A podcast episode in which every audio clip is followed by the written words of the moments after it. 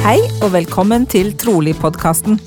Samtaler i en norsk siste dagers hellig kontekst. Erfaringsmessig ikke helt uten berøringsangst, men vi prøver. Jeg heter Johanna Bjerga. Og jeg heter Dan Rikard Hagen. Her i Trolig-podkasten snakker vi med hverandre og med gjestene våre om deres trosreiser og tvilsreiser og andre temaer vi er opptatt av. Målet vårt med denne podkasten er å skape et rom med takhøyde og plass til alle. Fordi alles historie fortjener å bli hørt, og fordi vi mener at det er mer enn én måte å være en siste dagers hellig på. Vi minner om at det som deles her er våre og våre gjesters personlige erfaringer og meninger. Og at podkasten ikke er i regi av Jesu Kristi kirke av Siste dagers hellige. Men for ordens skyld, både Dan Rikard og jeg er aktive troende medlemmer av kirken, og podkasten vil reflektere det. Da kjører vi ny episode.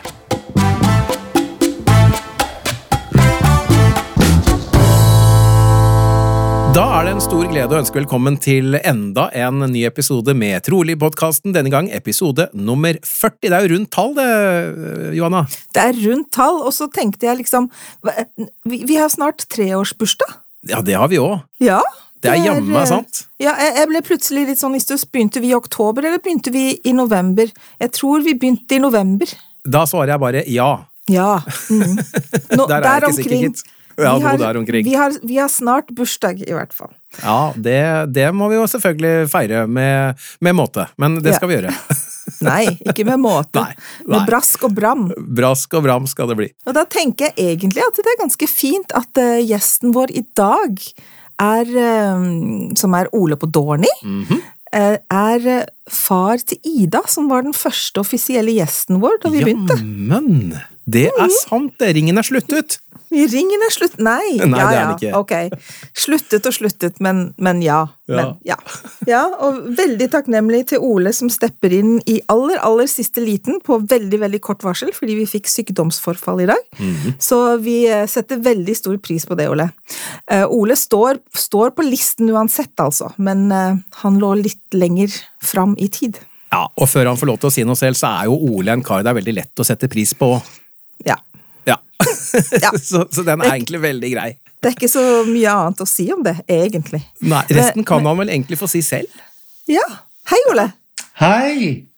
Hyggelig å være her. Det er i hvert fall veldig hyggelig for oss å ha deg med. Eh, Ja. Ole, ja, hva skal man si om han da? Det er jo selve bautaen i eh, Jesu Kristi kirke av siste dagers hellige i Norge. I hvert fall for alle som noen gang på et eller annet tidspunkt har hatt noe som helst med seminaret å gjøre. Det er i hvert fall sikkert. Eh, Men vi, vi starter ikke der. La oss gå enda lenger tilbake igjen eh, i tid, Ole. Eh, Fortell litt om hvor du kommer fra, og, og, og så kommer vi etter hvert til seminar og alt det andre som vi også skal gjennom. Ja.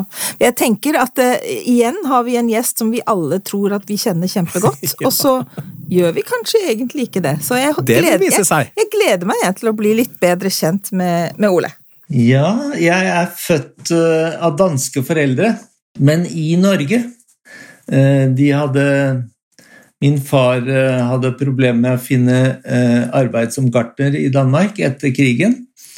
Så i eh, 49 så kommer de opp til Askim, et Moens gartneri i Askim, hvor jeg blir født.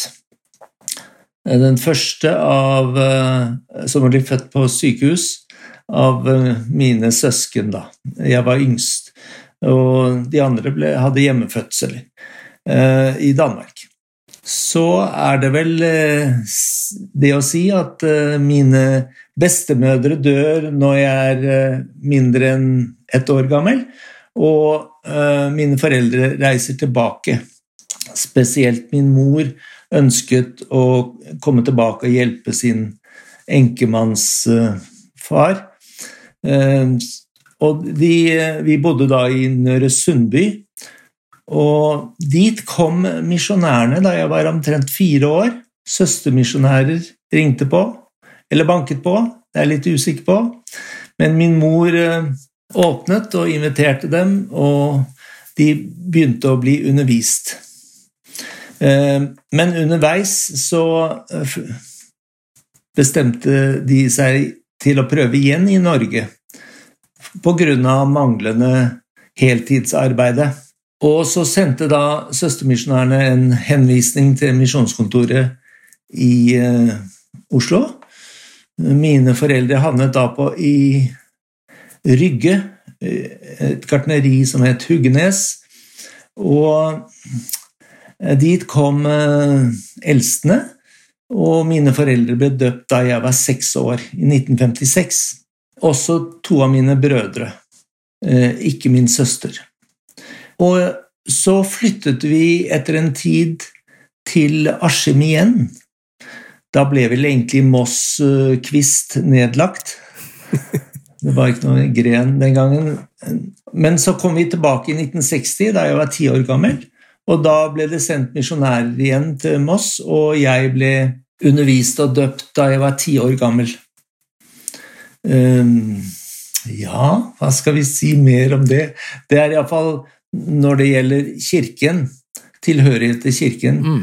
Eh, og så begynte jeg da å gå, gå, i kirken sammen med mine brødre, og det var ikke store greiene å skryte av. Det, Nei, det, det tenkte jeg å spørre deg om. Det, hvordan så Moss eh, menighet ut på den tiden? Ja, det, det, kunne være tre og fire og fem på møtene. Eh, og så vi, hadde vi møter i noe som het Maskinistforeningens lokaler på Jeløy. Og der var det gjerne fester på lørdagskvelden. Og det vi måtte gjøre da, var å rydde unna askebegre, eh, ølflasker, eh, ølglass Satte liksom stemningen? Ja. Og så hang røyken igjen i, ja. i gardinene. Ja. Så, så, det var ikke så ja, Mine brødre sluttet å gå, og jeg sluttet å gå. Mm. Så, så, skjer det da noe med Da jeg var 14, eh, da ble jeg plutselig usikker på om Gud var til, og jeg ønsket å vite. Vet du hva, vet du hva det var som gjorde at du, du da var litt sånn fins han eller ei? Hva som gjorde det, vet jeg ikke. Jeg, jeg husker at jeg ble eh, en gang skremt av en jeg, jeg, gikk jo gjennom uh, mørke skogen uh, noen ganger og, og, var ikke bekymret og ikke redd.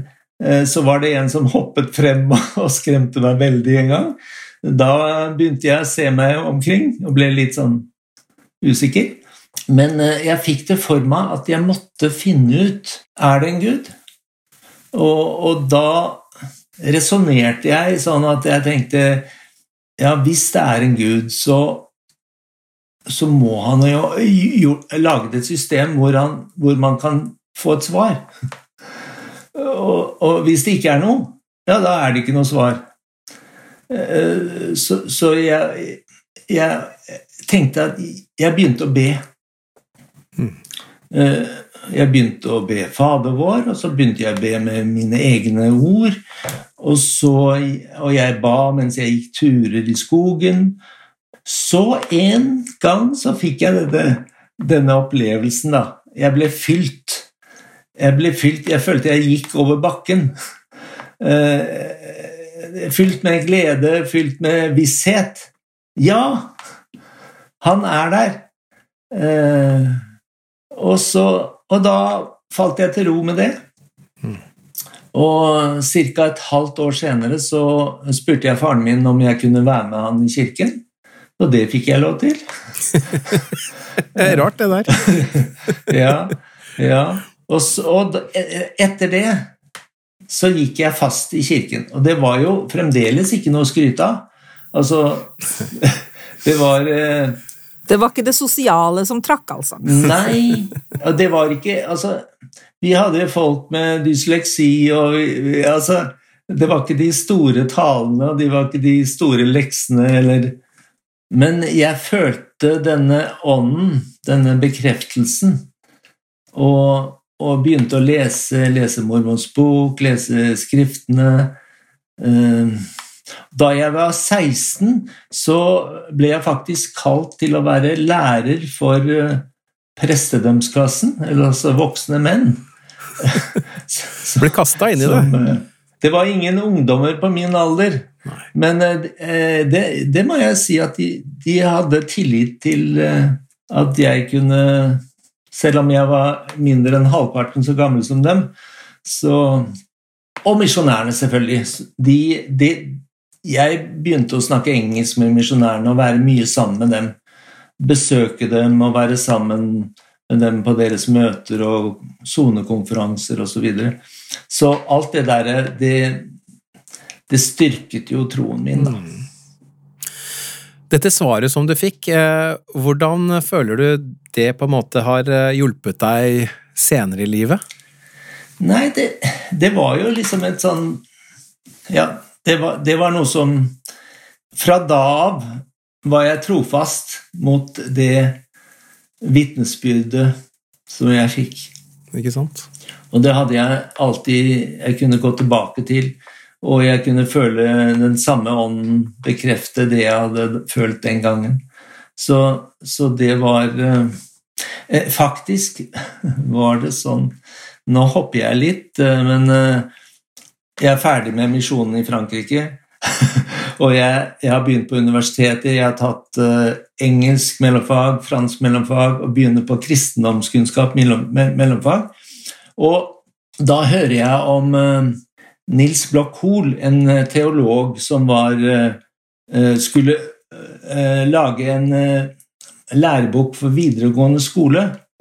Og jeg våget å banke på døren hans og fikk en samtale.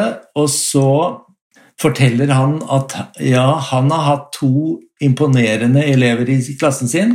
Bente Bakken og Susan Peterson, som var datter til misjonspresidenten. Eh, og så i løpet av samtalen så inviterer han meg Han vil gjerne hatt et lesestykke om hver, hvert kirkesamfunn som han skriver om. Dette er konfesjonskunnskap på den videregående skole så, så, er det lesestykker som heter f.eks.: Jeg er lutheraner, jeg er metodist, jeg er Så vil han ha en som heter Jeg er mormon. Og jeg eh, rettet det til Jeg er en siste dagers hellig. Men jeg fikk, da, jeg fikk da skrive faktisk eh, mitt vitnesbyrd i denne læreboken for den videregående skolen som kom ut i 1975. Så, så mitt vitnesbyrd ble spredd. Uh. God, godkjent av Kirke- og undervisningsdepartementet. Det er greit stempel å ha med seg det på vitnesbyrdet sitt. Godkjent av Kirke- og undervisningsdepartementet. Wow. Ja, jeg syns det. Men uh, kirke og undervisning, det, det, ble jo på en måte en slags ledetråd i livet ditt uh, videre. Altså, så du dro på misjon til Frankrike. Var du blant en av de første som ble kalt på en sånn fremmedspråklig misjon fra Norge? Eh, Iallfall til Frankrike var det ikke så mange. Eh, da jeg dro ut, var det kanskje tre misjonærer fra Norge. Det var ikke vanlig å bli kalt. Altså, vi hadde den gruppen som var eldre enn meg. Eh, Stein Dalby uh, Stein Pedersen, pappa. Stein Pedersen, Petter Svanvik Alle disse de ble ikke kalt. Nei. Uh, og jeg, jeg, observerte det. Og, og, da la jeg meg etter prestedømslederne. altså vår, misjon, vår grenspresident var jo i Fredrikstad mm. og var en misjonær. Eh, så, så, de fulgte ikke opp så veldig godt, da. Eh, og, og misjonspresidenten han ble jo etter hvert kjent med, og jeg liksom maste om at jeg ville reise ut ikke sånn når jeg var 23, 24, 25, 60 eller sånt. da. Jeg ville reise ut når jeg fylte 19. Så mine papirer ble sendt inn. Det var forresten to uker eh, Jeg ble sendt ut 4. august. Jeg fylte 19 3. august. Og, og, Tone ble døpt. Hun hadde jeg møtt siste året på gymnaset, og hun ble døpt uh, to uker før jeg dro. Ok. Mm. Og det er, en, det er, jo en, liten historie å fortelle der òg, er det ikke det? Det er det. det gjelder, vi, må, eh, vi, må, jo få høre litt uh, tonehistorie. Ja, jeg syns, syns det. det. Tonehistorien, ja. ja. ja. Først dette rare navnet mitt, Podhorny. Min farfar kom fra Østerrike-Ungarn i 1903 til Danmark. Han hadde et, eh, et tsjekkisk navn. Befolkningen der var tsjekkere og tysktalende. Podhorny betyr 'under haugen' eller 'underhill'. Eh, så det er, det er tsjekkisk, da. Eh, men han var en tysktalende person. Og han døde i eh, 1966. I 1967 så reiste familien, mine foreldre og jeg ned til Donauwörth i Bayern, der min farfars søster bodde. Alle sudetetyskere altså eh, Tsjekkoslovakia var dannet i, etter første verdenskrig. Eh, og eh, etter at Hitler hadde tatt landet osv. Så, videre, så etter annen verdenskrig så ble alle tysktalende, tre millioner, fratatt alle hus og sendt ut av landet. Så min da, altså min farfars søster, havnet der nede. Og vi dro ned på en sånn slektsforskningsreise, og da kom jeg tilbake og viste lysbilder i tysktimen og fortalte om dette her. Eh, og så var det sånn at året etter så hadde Tone, som kjente denne tysklæreren som jeg hadde, hun eh, hadde fått et stipend til å reise til nettopp samme by, Donauwörth i Bayern, og da var hun tysklæreren på besøk, og hun sa hvem, hvem var det som reiste til den byen? Jo, Ole på Dårnid reiste, sier hun. Og hun sitter der med foreldrene sine, og så sier hun Er du forelsket i Ole på Dårnid? sier hun. Nei, det ville jeg vært, sa hun. Hvis jeg var ung. Så hun, hun, jeg var sånn yndlingselev for henne.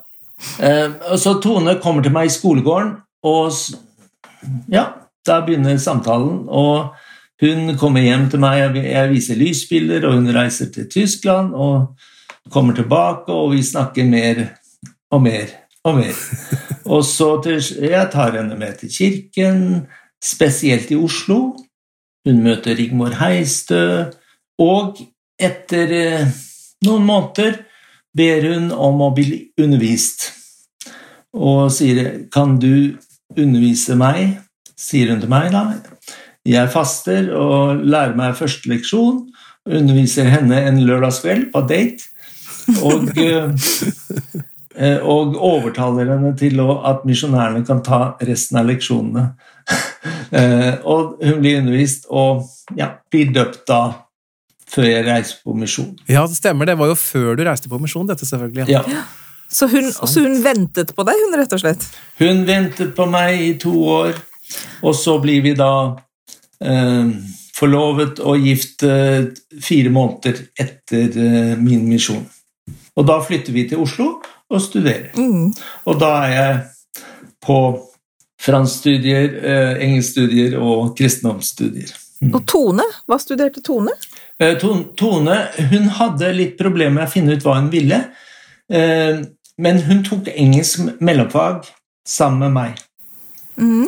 Og etter det så ble hun syk. Hun, altså vi fikk et dødfødt barn i 72, og hun fikk noen uh, sykdommer etter det. Og så fikk vi Johanna i 75. Uh, så uh, hennes utdannelse senere den tok hun faktisk med fire barn. Uh, Sykepleierhøgskolen i Østfold. Oi, stemmer det. Ja. Ja. ja og så Stor kom, artikkel. ja, så kom barna ganske kjapt når de først begynte å komme. Ja. 75, 76, 79, 82, 87, eh, 90, 93. Du er mye Mm. flinkere enn meg. jeg klarer ikke det samme. Med hvilke år. Men, men også fikk du Altså, dere hadde en, en dødfødt gutt først, Ja. og så var det en haug med jenter. ja, så kom det plutselig fem jenter. Og så, og så da gutten kom, altså Bjørn, da begynte Jeg kalte ham jo hele tiden henne. Oh. Kan, kan du ta henne? Eh, Men jeg måtte lære å si han, da. Ja. Og så, men så kom det en jente til. ja, det kom en jente til på Anne. Mette. Hun er nå eh, lektor og underviser på Sandvika videregående. Eh, og så har du fått litt barnebarn. Det har vi. Vi har, vi har nå eh, elleve barnebarn. Én døde da. Så Mm. Idas Idas minste, ja. Stemmer. minste.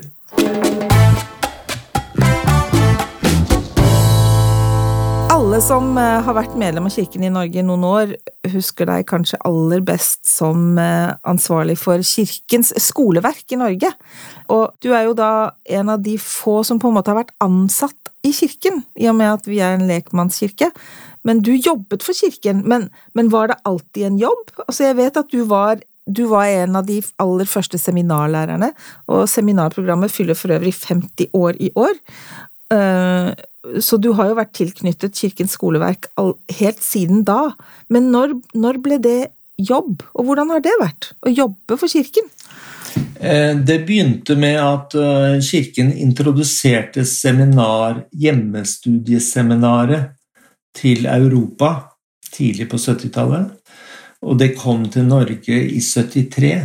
Og da var jeg Ja, jeg ble iallfall 23. Og da ble jeg forespurt jeg, Det var jo heltidsansatte koordinatorer som reiste rundt og fikk dette opp og gå i de forskjellige landene. Og jeg ble bare forespurt om jeg var villig til å gjøre det, og det hør, hørtes interessant ut. da. Jeg visste jo, jeg hadde jo ikke gått seminar selv, men uh, jeg fikk da spørsmål om jeg kunne anbefalt da misjonspresidenten. Uh, jeg undertegnet en kontrakt. Jeg så på det som et kall, men det var på en måte De ville skille det fra et vanlig kall i kirken. Så de, de, det var en kontrakt med Kirkens skoleverk, altså CS, og det var Home Study Supervisor, og da skulle jeg få tilsvarende 600 dollar i året. Oi! så, det, så, det, var liksom på en måte et slags eh, en symbolsk sum da, på at det var ikke et vanlig kall, men det var en jobb. En deltidsjobb. Veldig liten brøk, da, men eh, Og da begynte jeg Altså, jeg begynte å få undervisning da Gjerne vi møttes i København, f.eks. Eh, Håkan Palm fra Sverige, Jens Kristoffersen fra eh, Danmark, Ristokora Risto Kora fra Finland osv. Så, videre. så fikk vi opplæring i kvartalsvise møter. Og så introduserte vi på distriktskonferanser programmet sånn som det kom, og fikk kalt lærere, eh, frivillige lærere eller kalte lærere, og tilsynsførere. En tilsynsfører for Bergen distrikt, en for Trondheim distrikt, som også dekket Nord-Norge, en for Drammen distrikt og Oslo distrikt. Og Så reiste jeg rundt på distriktskonferansene den våren og introduserte. Og så samlet vi alle lærere i Oslo i Hekkveien i august eh, 73 og hadde en sånn ja, undervisning og eh, Kickoff. Kickoff! Der er ordet. Kick Bra. Kick det er ikke alle ordene som kommer ennå. Eh, eh, så eh, Vi hadde Nytestamentet første året og Kirkens historie andre året, og vi hadde dansk materiell fordi noen i Frankfurt tenkte at ja, det går sikkert bra. og det gikk jo med positivitet, da. Men vi fikk det på norsk i 75. I 75 hadde jeg sagt ja til å bli ansatt på heltid. Og, for, eh, og ansvarsområdet var Norden, da. Så i de årene som fulgte, så reiste jeg jo til eh, Finland og Sverige og Danmark og i Norge for å følge opp og bli Mr. Seminary. Mr. Seminary. Jeg håper du fikk litt mer enn 600 dollar i året da. ja, ja, ja, da ble det liksom en, en eh, sånn tilsvarende adjunklønn. Eh, for, for, det var vel min eh, utdannelse mm. dit, ja. Og senere så uh, gjorde de enda forbedringer, fordi de så jo hvor mye vi jobbet. altså det var jo Vi var jo tilgjengelige hele uken, alle døgnets tider omtrent. Det var jo sånn det var. Mm. Så, så det ble på en måte en misjon også. Jeg elsket de to årene i Frankrike på misjon, men nå nå var jeg plutselig tilbake på en slags ny misjon. Så det var, det var spennende. Og han som hadde intervjuet med meg, det var eh, eldste Neil Maxwell, som da var eh, leder for eh, Kirkens skoleverk eh, over hele verden. Og det var, det var spesielt. Han var en flott kar, altså. Jeg hadde så mange fine ledere med god utdannelse og, og sterk tro. Denne balansen mellom uh, intellekt og tro, den likte jeg. Og så, som vi har vært inne på, du har jo jobbet med dette her i mange mange, mange år og, og føler det som et kall, det, det, skjønner jeg egentlig veldig godt. Men kan du si litt om eh, holdt på å si, noen av de velsignelsene du føler du har fått i forhold til å kunne jobbe For du må jo ha møtt en hel haug med ungdom som har eh, vært med i, i seminar, og eh, litt sånne opplevelser du kan tenke tilbake på? Ja, det, det, det er jo spesielt at det er kanskje det, det beste med jobben var å møte ungdommer og én til én av og til. Altså, jeg har reist til Alta og jeg har reist til Tromsø og undervist én og to, og det har vært verdt det. Mm.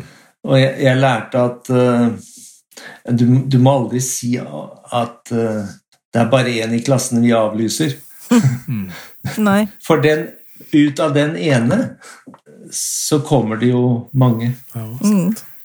Eh, det lærte jeg også på misjon. Jeg, du, en av de elevene i klassen min som satt eh, foran meg, het Marit eh, Torp.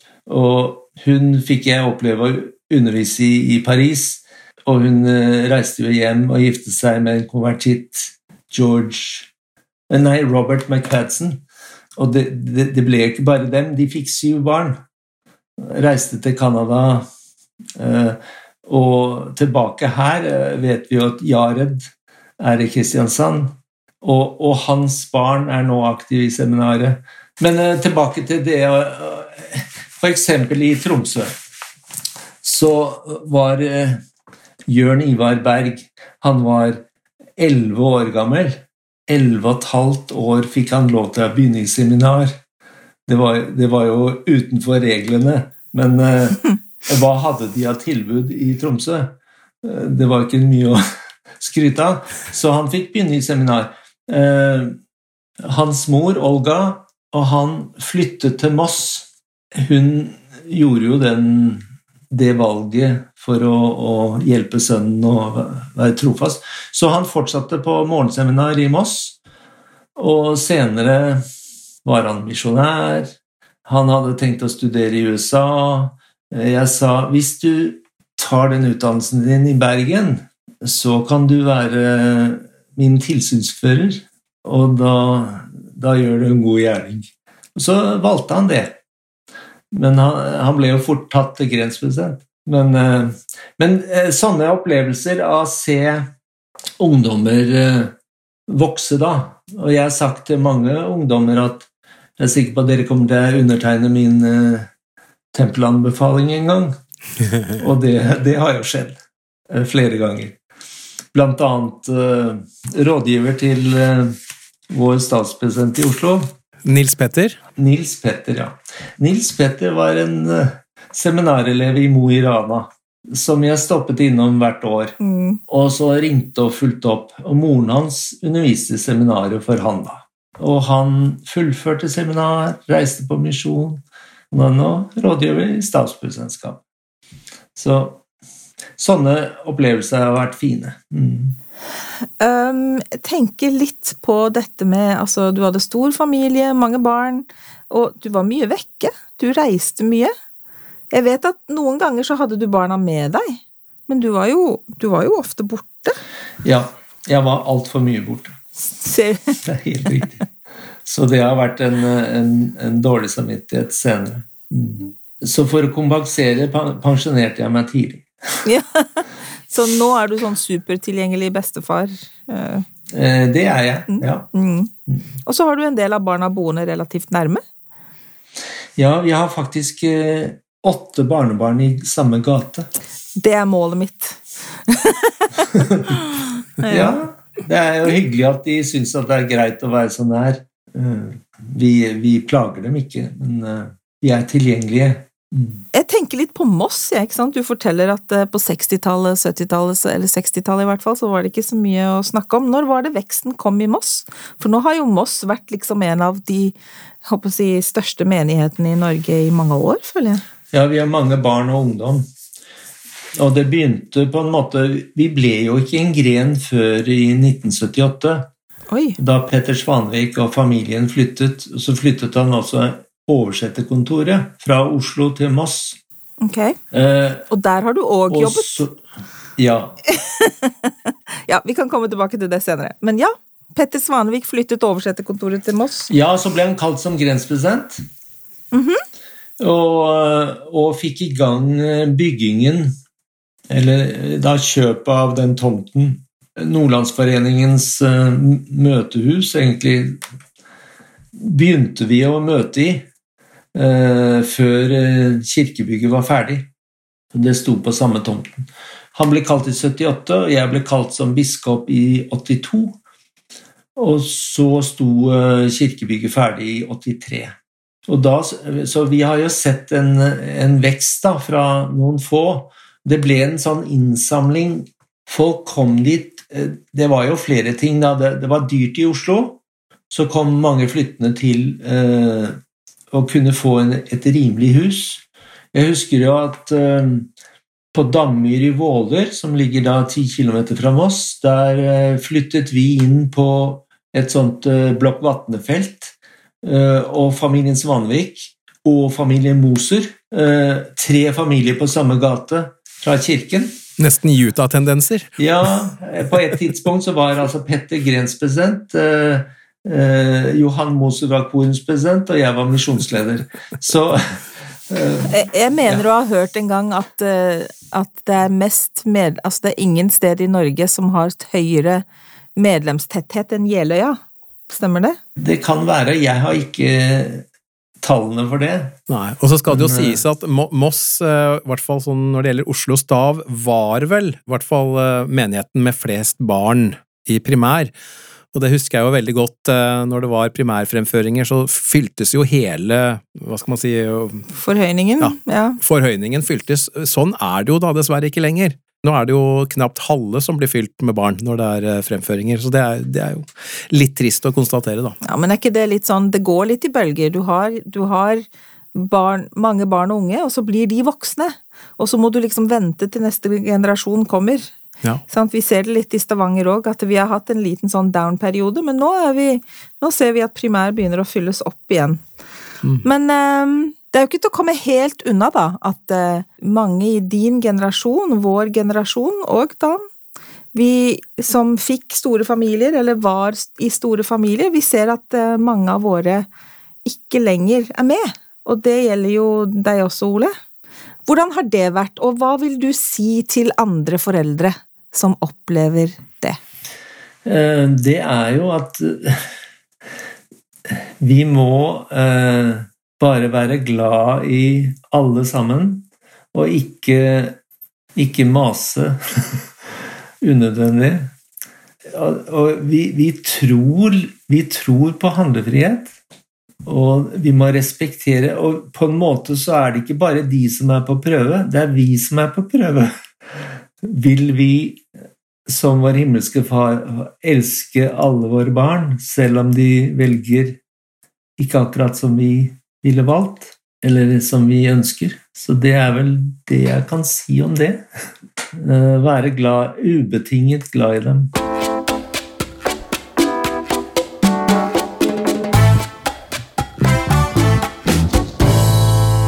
Ole som en som på en måte har vært ja, jeg vil jo si, Det er ikke feil å si du har vært en kjent figur da, i kirken. Kjent for ikke minst å ha mye kunnskap om eh, kirkens doktrine og, og historie, for så vidt også. Så opp gjennom denne tiden så kan jeg ikke se for meg at ikke du har opplevd å møte eh, ja, alt fra kritikk til motforestillinger til både det ene og det andre. Eh, først og fremst, stemmer det? Ja, det er korrekt. Ja. Eh, Hvordan har du taklet det, og, og hva, hva eventuelt har Har det vært noen gang at liksom, du har blitt møtt av noe som liksom Oi! Har satt deg litt ut av spill, og i så fall, hvordan taklet du det? Nei, altså, jeg, jeg har jo hatt eh, velsignelsen av å være sammen med eh, ledere som Veldig mange med doktorgrader i sine forskjellige felt, men som har vært trofaste og gode mennesker. Og jeg har på en måte fått hjelp til svar fra dem. Og så har jeg selvfølgelig gjennom årene Jeg abonnerte i alle år på BYU Studies, som var på en måte det akademiske tidsskriftet for kirken. Uh, Dialogue, Journal of Mormon Thought osv. Så, videre. så jeg, jeg leste med opp på uh, der de behandlet vanskelige spørsmål. Med den balansen mellom å holde meg til de som hadde sterk tro, og, og eh, mye oppi hodet også, så, så Jeg syns ikke det som apostatene hadde å bringe frem det var ikke noe mm. Det var ikke bra. På, på hvilken måte da? Altså at ikke, Du mente at det holdt ikke logisk, eller? Nei, altså det, det, det, var ikke noe god ånd som fulgte dem. Det var ikke noe godt liv som fulgte mange av dem. Eh, av fruktene skal treet kjennes, tenkte jeg ofte. Mm. Og så var jeg alltid opptatt uh, av kilder, da. Kildekritikk. Og jeg lærte jo en del av det på universitetet. Kildekritikk. Og så så jeg jo hva som skjedde når man ikke var så nøye med kildene.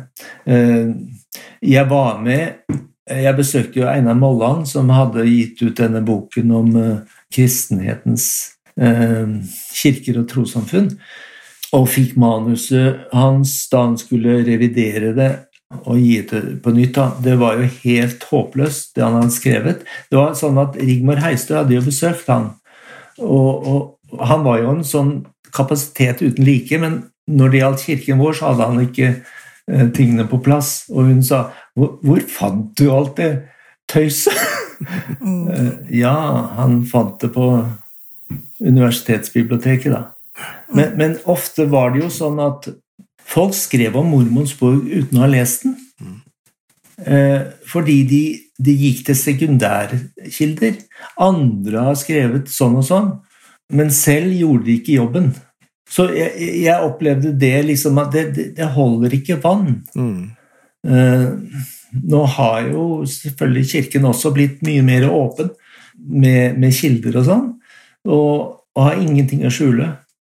Og vi har lært, og jeg har også alltid hatt den oppfatningen at vi har ingen doktrine som sier at vi har, vi har fullkomne ledere, eller at de ikke kan si noe feil. Vi har ikke noe sånn doktrine. Vi, vi, har ledere som gjør sitt beste, og som eh, vanligvis er inspirert. mm, ja. Det virker som for meg da, at det du på en måte har eh, i gåseøynene hvilt deg på, det er jo vitnesbyrdet ditt. Ja. Ikke sant? Men du kan si at intellektuell eh, tilgang har ikke svekket det. Ja, for det er jo det er jo en del som sier det, at liksom hvis, du, hvis, du, blir for høyt utdannet eller du blir for intellektuell, så er det, så er det farlig, fordi det kan påvirke vitnesbyrdet ditt på, på, en negativ måte. Men, men, det tenker du at nei? Nei, altså kirke, det er på grunn av kirken at jeg utdannet meg. Jeg, jeg, lærte det, jeg hadde jo ikke noen tradisjon fra det fra min gartnerfar og min husmormor.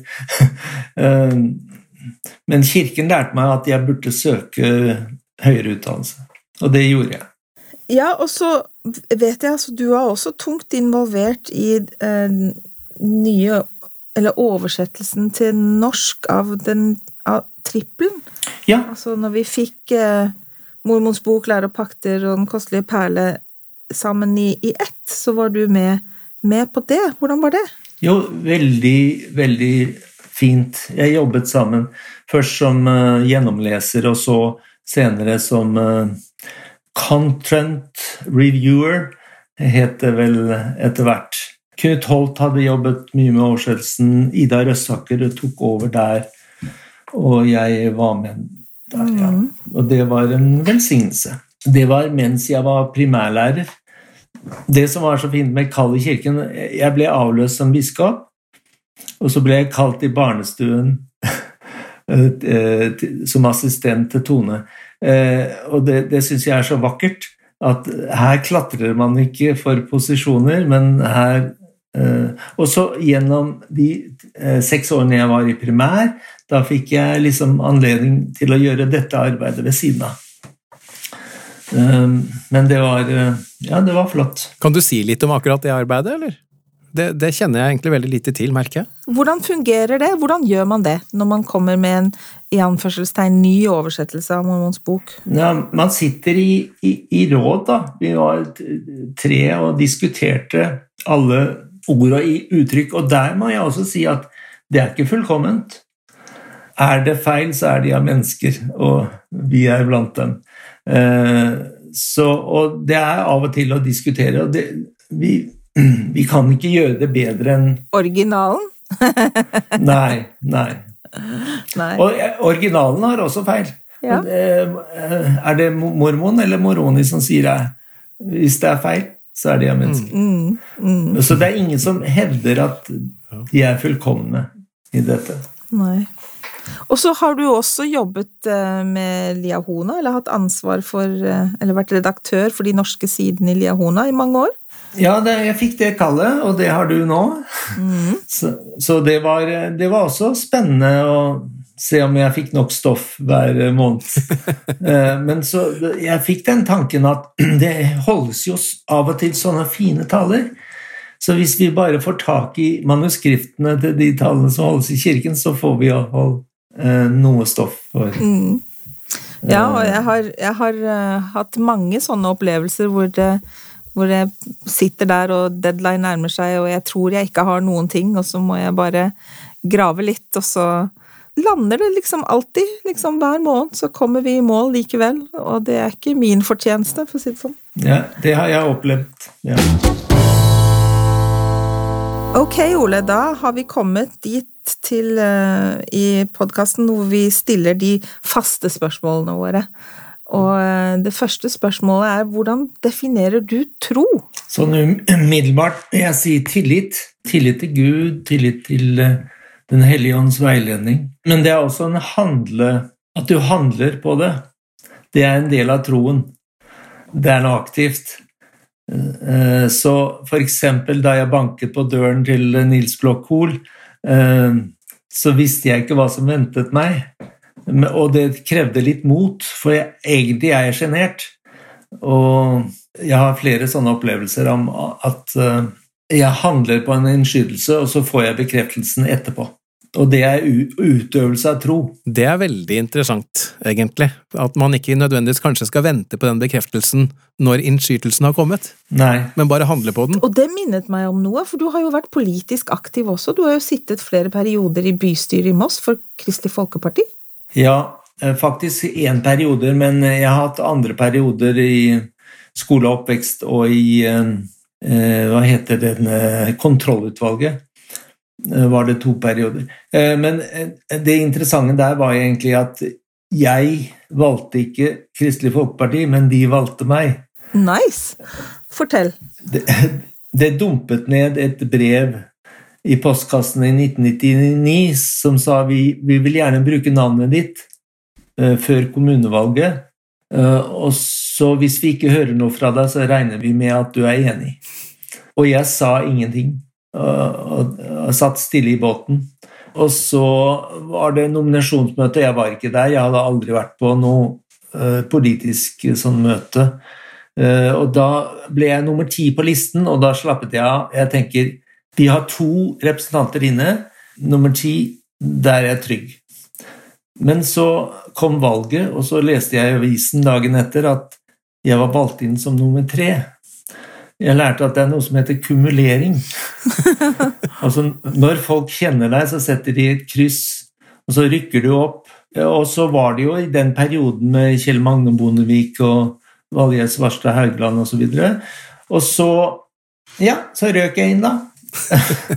og så i løpet av perioden så den ene av de som sto foran meg på listen, hun fikk jobb i Brussel. Og hun andre fikk eh, studiepermisjon, og da var jeg plutselig gruppeleder. så det var en sånn bratt læringskurve. Ja. Det vil jeg tro. Men hvordan følte du at eh, troen din eh, fikk Altså, slapp du til? Følte du at det, det at... Ja, det var det at de de hadde som praksis å ha andakter. Og da fikk jeg holde andakter. Arnfinn kom jo også inn i Arnfinn Andersen, ja. samtidig. Og, og eh, ja, så fikk jeg dele åndelige tanker. Og til og med etter at jeg hadde hatt en andakt på årsmøtet vårt i eh, Moss, så ble jeg spurt kan du ha andakt på fylkesårsmøtet, som også skulle være på Jeløy folkehøgskole. Eh, ja, ja det, jeg, jeg har lært å si ja. Også, og forresten Statsminister Bondevik kommer. og, så, og med Bondevik så kom TV 2 og NRK med sine, sine kameraer. Og da var jeg nervøs. Da skulle jeg gå opp og starte det hele med kameraene på, men det er klart, de sendte jo ikke det. Nei, nei. De sender jo ikke andakter. Men uh, for meg så stå foran disse uh, og dele Ja. Men Bondevik uh, kom og takket meg etterpå for andakten, og jeg takket han for hans innlegg osv. Så videre. sånn at du blir på en måte Det åpnes fordi du sier ja og går i tro, så skjer det ting. Mm. Når det er sagt, sant, så er jo du det eneste medlemmet av kirken i Norge som faktisk har vært på radio i morgenandakten for vår kirke. Ja, det, det, det stemmer, det. Og Det ble jo lagt merke til det. ja, det var mye bråk på Vestlandet Ja, rundt den andakten. jeg husker det. Ja. Hva, husker du noen av de reaksjonene, og hva det gikk ut på? Nei, det var jo at faktisk Det var sånn uh, Avisen uh, Dagen, er det den heter. Før andakten, før de hadde hørt noen ting, så tok de et bilde av mormons bok og sier 'forkynne fra denne boken'. Det var jo, det var jo ren løgn, Ja. for jeg brukte jo bare Bibelen. Ja. Og du, du, var jo, du, du var jo så nøytral som det går an å få blitt, tenker jeg. Det var jo så nedtonet og forsiktig som Ja. Ja, jeg tenkte jo at eh, det er viktig å bygge broer og Ja. skape tillit. Mm. Eh, Sånn at eh, det var et, et annet eksempel på å ikke bruke kilder Mm. ordentlig, men å lete etter feil. Mm. Det har jeg også lært i kirken i denne lille menigheten, at jeg skal ikke lete etter feil. Eh, Et spørsmål vi alltid stiller eh, våre gjester, Ole, det er eh, hvordan hører du ham, altså Jesus Kristus, i ditt liv? Hvordan opplever du dette å få åpenbaring osv.? Jeg hører ham når jeg ber, og når jeg leser Skriften, eller Skriftene. Og veldig ofte får jeg inspirasjon til å gjøre ting for andre. Og da er du ganske sikker på at det kommer fra rette kilden. Ja. Ja, det er sant. Jeg lærte dette på misjon ved at når jeg studerte om morgenen og leste Skriften, så fikk jeg masse sånn veiledning til hva jeg skulle si til mine undersøkere. Og jeg tenkte Å, hvor mye veiledning har jeg gått glipp av når jeg ikke har tatt meg tid til å be, lese og studere. Så Og så pleier vi å spørre hvis det var noe i kirken som du skulle ønske var annerledes, hva ville det vært? Ja, jeg sliter av og til med å finne feil, fordi hodet mitt er ikke laget sånn, men eh, eh, jeg har jo nevnt det før også. Jeg, det gjelder jo Jeg syns at uttrykket uh, som medlemmer av og til bruker når de bærer sine vitnesbyrd, 'den eneste sanne kirken', er et uttrykk som eh, skaper eh, avstand, og som skyver folk vekk.